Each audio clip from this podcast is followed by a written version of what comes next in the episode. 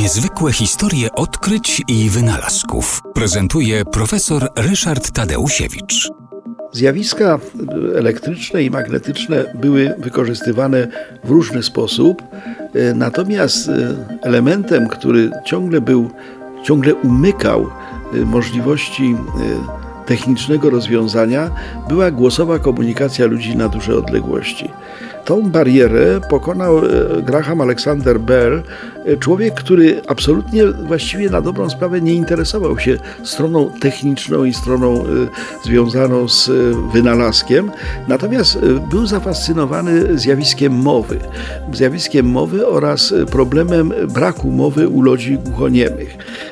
Jego wynalazkiem, takim, który, był najbardziej dumny, to była tak zwana visible speech, czyli mowa widzialna, sposób y, komunikowania się y, osób głuchoniemych, no, podobny do dzisiejszego języka migowego. Graham Alexander Bell próbował również pomagać tym głuchoniemym osobom poprzez urządzenia, które miały rejestrować głos i ten głos w jakiś sposób do tych osób przekazywać.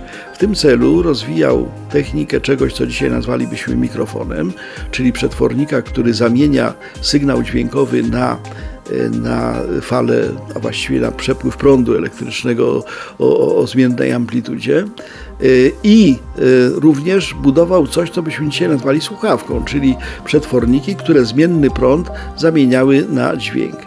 Początkowo robił to pod kątem właśnie rehabilitacji osób głuchoniemych, zaspokojenia potrzeb tych osób głuchoniemych i właściwie dość nieoczekiwanie nagle pomyślał sobie tak, no jeżeli y, w jednym miejscu y, głos można zamienić na przepływ prądu elektrycznego odpowiednio modulowanego, a w innym miejscu można ten przepływ prądu zamienić z powrotem na głos, no to może dałoby się w ten sposób po kablu elektrycznym przesłać yy, informację z jednego miejsca na drugie, informację głosową.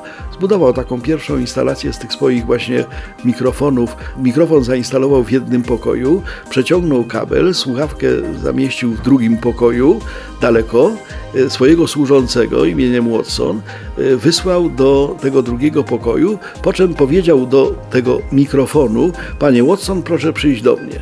Pan Watson przyszedł, nie wiedząc o tym, że był pierwszym odbiorcą pierwszego przekazu telefonicznego. Po prostu usłyszał głos swojego pana, więc, więc po prostu posłusznie przyszedł.